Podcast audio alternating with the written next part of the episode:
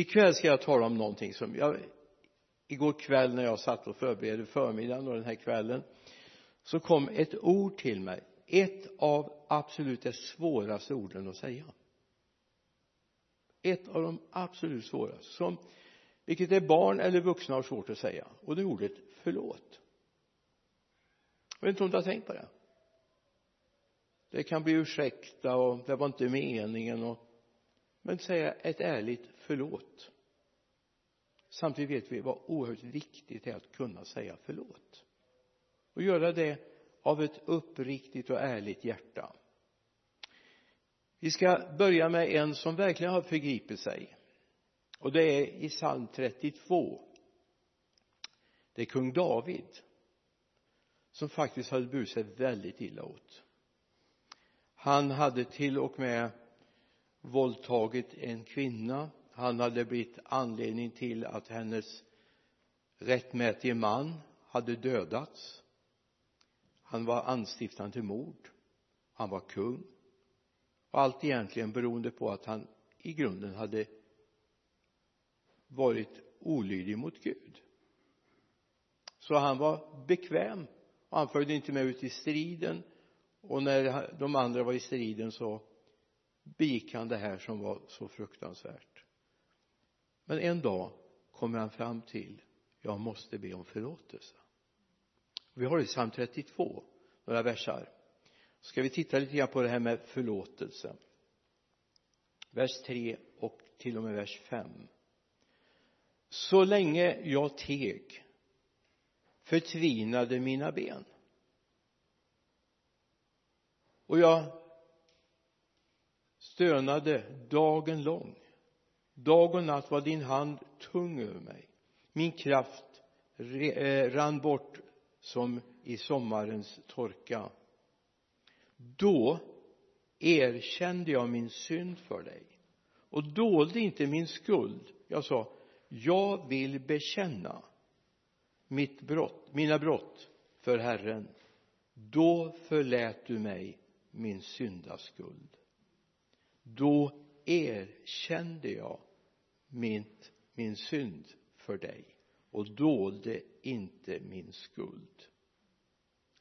Förlåtelse är någonting av en nyckel för gemenskapen människor emellan men framför allt människor och Gud. Utan förlåtelse är det svårt att komma till Gud. Om jag lever i uppror om jag har otalt med grannen eller frun eller vem det nu kan vara så är det väldigt svårt att leva uppriktigt och med en fast blick. Jag menar jag minns ju från min egen barndom. Jag hade en granne som jag hade bråkat med en hel del. Det var ju pojkstreck, dumma pojkstreck.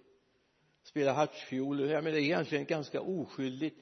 Men en gammal man och en gammal kvinna i 80-årsåldern mörkrädda och vi ett gäng grabbar som spelade hartsfiol och kastade nästan sönder deras glasveranda med småsten. På kvällarna det lät ju som en hagelskur mot rutorna. Jag tänkte vad då det var ju inget farligt. Det var ingen som tog illa vid sig. Jo det gjorde de. Det märkliga var att när jag inte hade frid med Gud och frid med dem för Gud påminde mig att jag borde göra upp det här så det märkliga var att när jag skulle gå hem så gick jag sällan förbi det huset. Jag tog en annan väg. Trots att inte någon visste att det var jag. Men mitt samvete talade om för mig. Det är du som har förstört tillvaron för dem. Jag lämnar hemmet, jag gör värnplikten, jag åker ut som evangelist på fältet. Så en söndag när jag står och predikar då ser jag de här framför mig. Alltså de var inte där men i mitt inre såg jag dem framför mig. Hur de satt och grät vid köksbordet. Och jag kunde inte fortsätta predika så jag sa jag hade inget mer att säga idag. Så gick jag ner och satte mig. Så nästa gång jag kom hem var jag tvungen att gå och be om förlåtelse någonting alla människor borde veta det är det Paulus säger om i andra talar om i andra Korinthierbrevets femte kapitel vers 10 alltså om det här vore någonting vi lyfte upp i samhället idag så tror jag det skulle faktiskt se annorlunda ut. Där säger Paulus här vi måste alla träda fram inför Kristi domstol för att var och en ska få igen vad han har gjort här i livet gott eller ont. Alla alla ska få igen det tänk om människor visste det. Tänk om vi vågade tala om det för mig. Tänk om samhället skulle godkänna och säga det finns faktiskt om ingen polis ser dig om ingen annan lagföreträdare ser dig så ser Gud oss.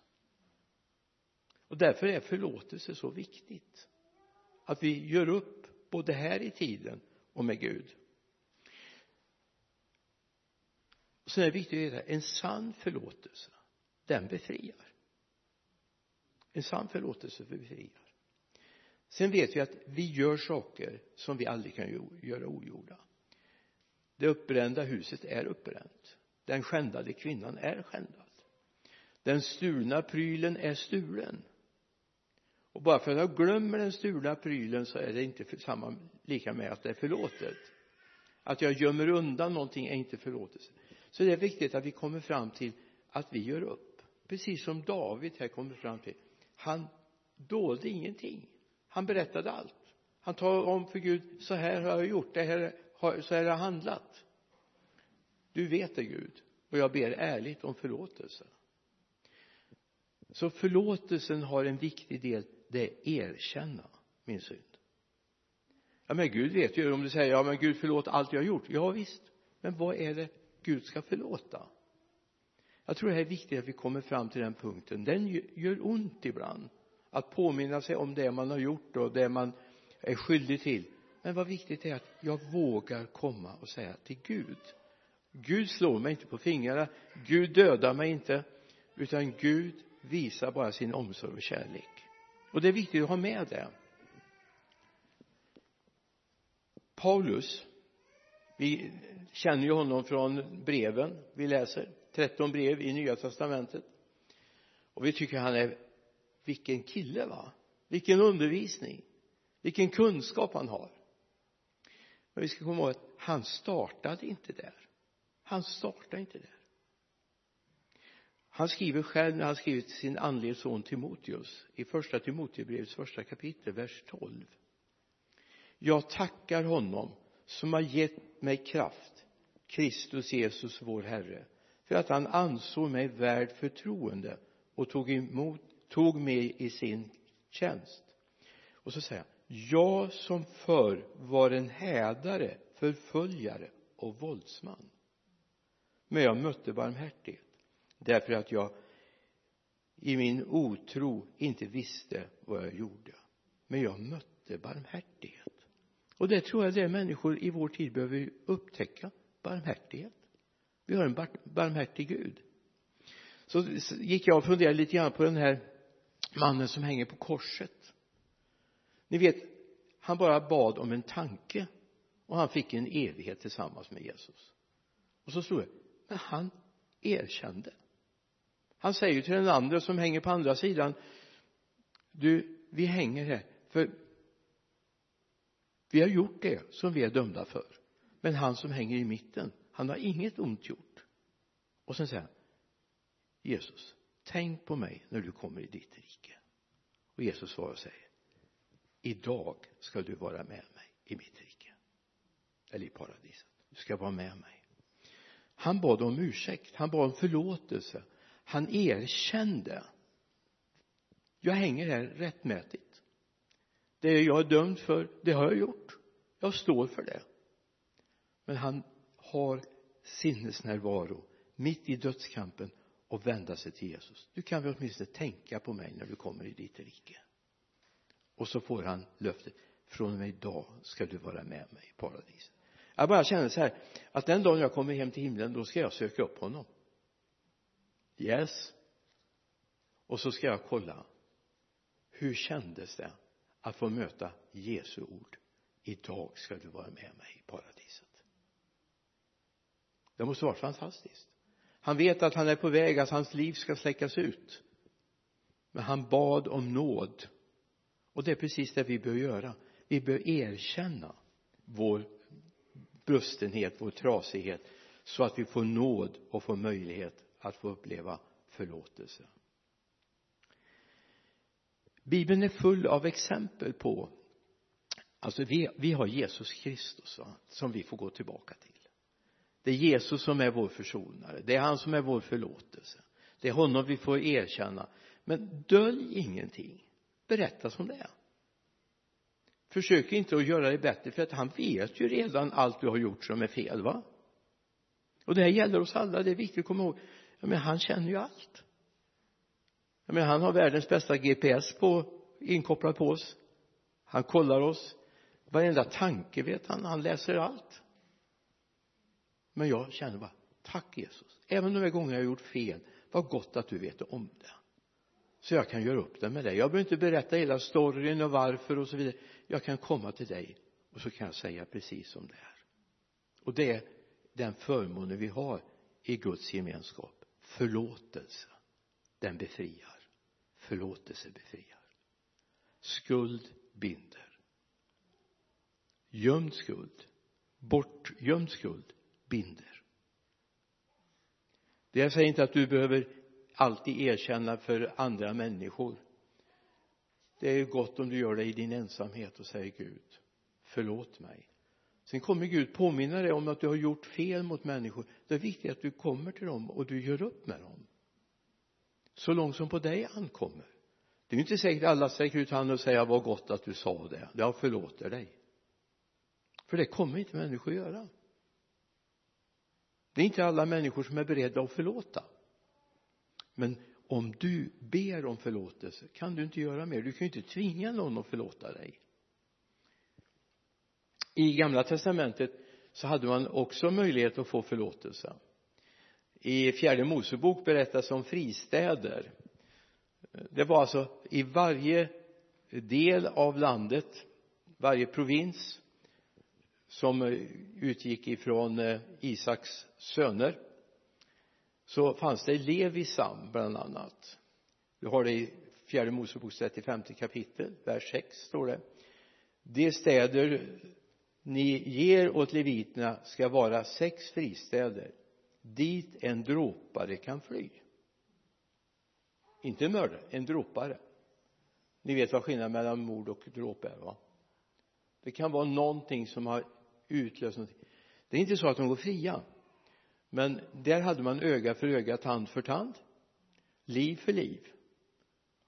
Man hade rätt att slå ihjäl men kom man till den fristaden så fick man åtminstone en rättvis dom. Man fick möjlighet. Likadant fanns det i templet så fanns det vid altaret fyra horn. Kom man dit och tog tag i ett horn så fick ingen göra eh, något illa för en rättvis dom hade fällts. Då man fick berätta vad som hade hänt. Och eventuellt någon kunde vittna för eller emot. Hos Kristus. Om vi får tag i Kristus så är vi inte frikända. Men vi är för, vi lever i skydd tills vi har gjort upp vår sak. Och det är viktigt att göra det. Även i nya testamentets tid men hos honom finns förlåtelse. Och vi börjar där. Sen får vi gå och göra upp med människor med Guds hjälp. Förlåtelse är befrielse. Skuld är bundenhet. Alltid skuld är bundenhet. Om jag har någonting otalt okej okay, människor kommer inte krama om dig och säga vad gott att du kom och bad om förlåtelse. Men du kan göra det du kan. Och sen är det viktigt att du kanske har någon bönepartner eller någon som du ber tillsammans med. Någon som går med dig. Jag har gått med ett antal människor som har gått och bett om förlåtelse. Det är inte alltid så enkelt men det är gott att få göra det. Stå upp för det man har gjort. Man kan inte alltid göra det gjorda ogjort. Med ett nedbränt hus är ett nedbränt hus? Bara för jag ber om förlåtelse så helt plötsligt står inte huset upp där igen. En skändad kvinna är en skändad kvinna.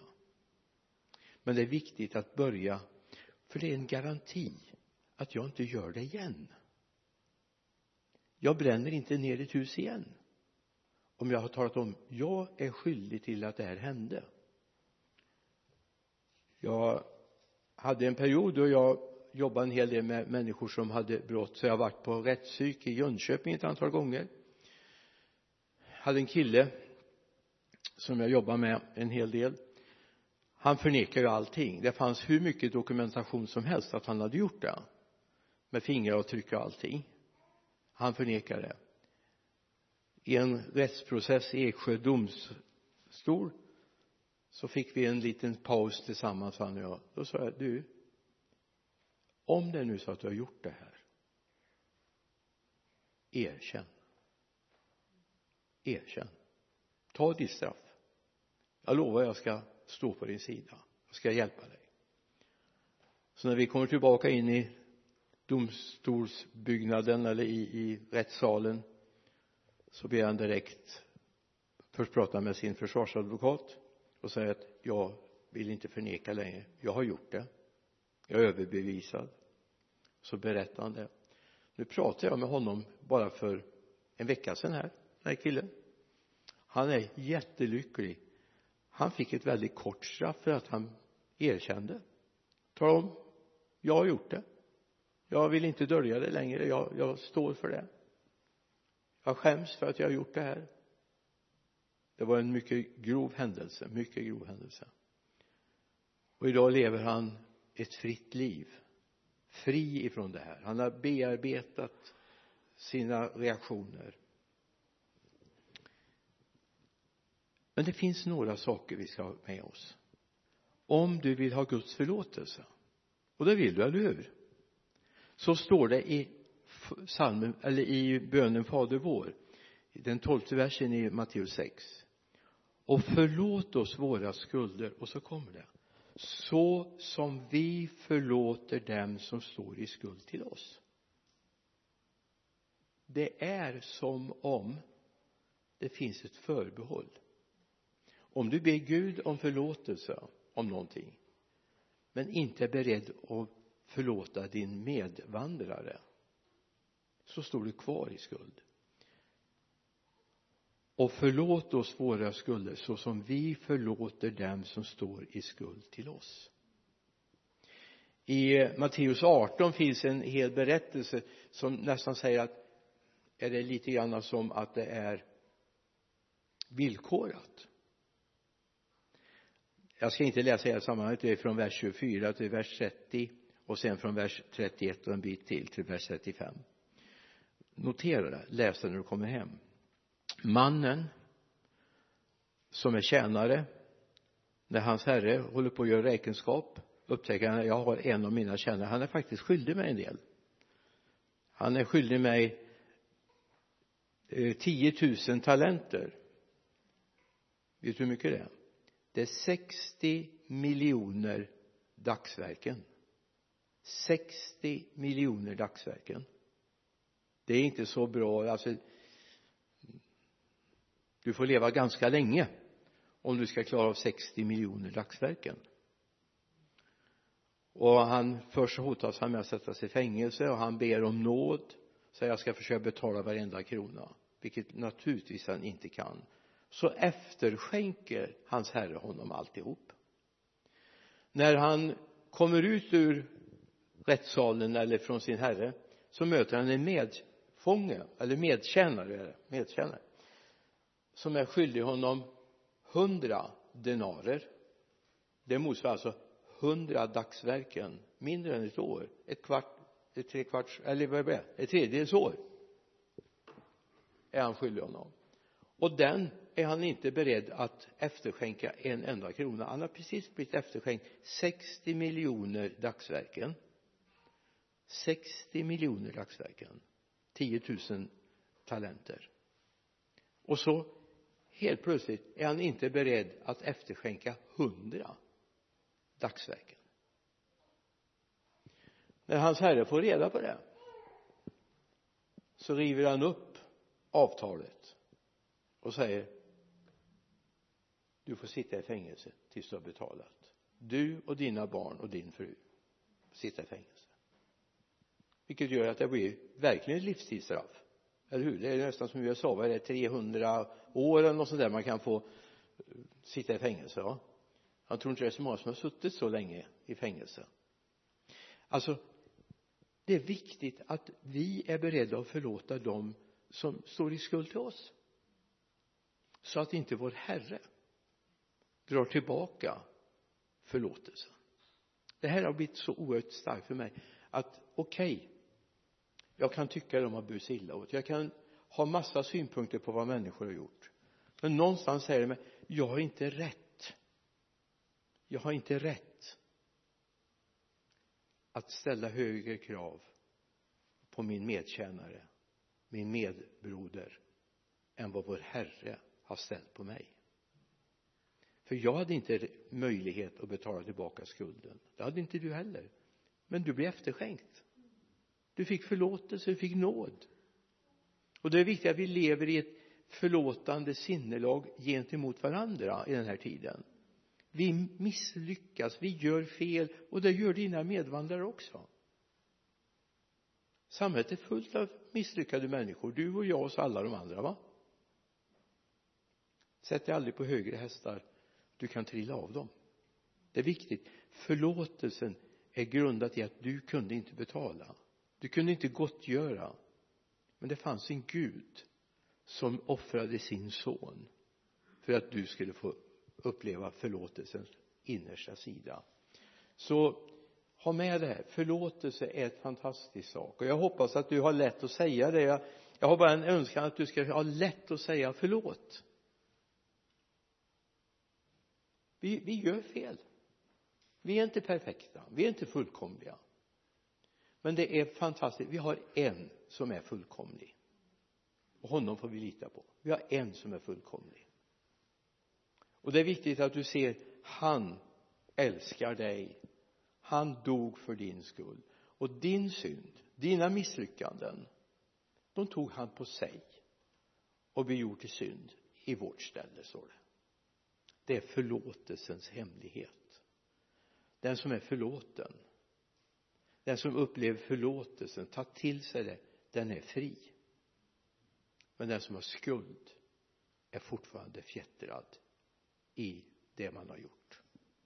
Det här var en liten hälsning jag hade den här söndagskvällen till oss. Förlåtelse. Alltså jag skulle egentligen om jag hade varit en barngrupp hade sagt nu ska vi lära oss det här viktiga ordet så ska vi säga förlåtelse tillsammans. Det kan ni göra som sitter vid skärmarna. Ni kan ju säga förlåt. Träna på det ordet träna på vad det handlar om. Och ha lätt att förlåta. Och tänk så här eftersom jag inte är fullkomlig jag misslyckas ibland. Jag tänker fel jag säger fel saker jag gör fel saker ibland. Ha samma tålamod med de andra. De misslyckas också. Det är viktigt. Förlåt dem ja men vår Jesus han är fantastisk. Ja men han har förlåtit dig innan du kommer och ber om förlåtelse. Det är väl fantastiskt va? Han älskar dig innan du ens har börjat fundera på om du ska älska honom. Vi älskar står det i Johannes första Johannesbrevet 4 och 19 vi älskar därför att han först har älskat oss. Och jag skulle vilja travestera på det och säga vi förlåter för han har först förlåtit oss. Det är hans kärleksuttryck mot dig och mig ska vi be. Jesus jag tackar dig för förmånen vi har att vi den här kvällen får vara samlade omkring namnet Jesus om förlåtelse, upprättelse och evigt liv. Herre jag ber att vi som finns här, de som har sett oss via skärmen ikväll Herre ska ha lätt att be om förlåtelse. Erkänna våra svagheter, våra misslyckanden, våra tillkortakommanden. Herre jag ber att vi ska ha ett förlåtande sinnelag. Herre när människor har gjort dumma saker mot oss Herre hjälp oss att förstå att de också är bristfälliga och svaga som vi är. Att vi inte är fullkomliga i något avseende men du är fullkomlig. Vi ber om detta i Jesu namn. Amen. Amen.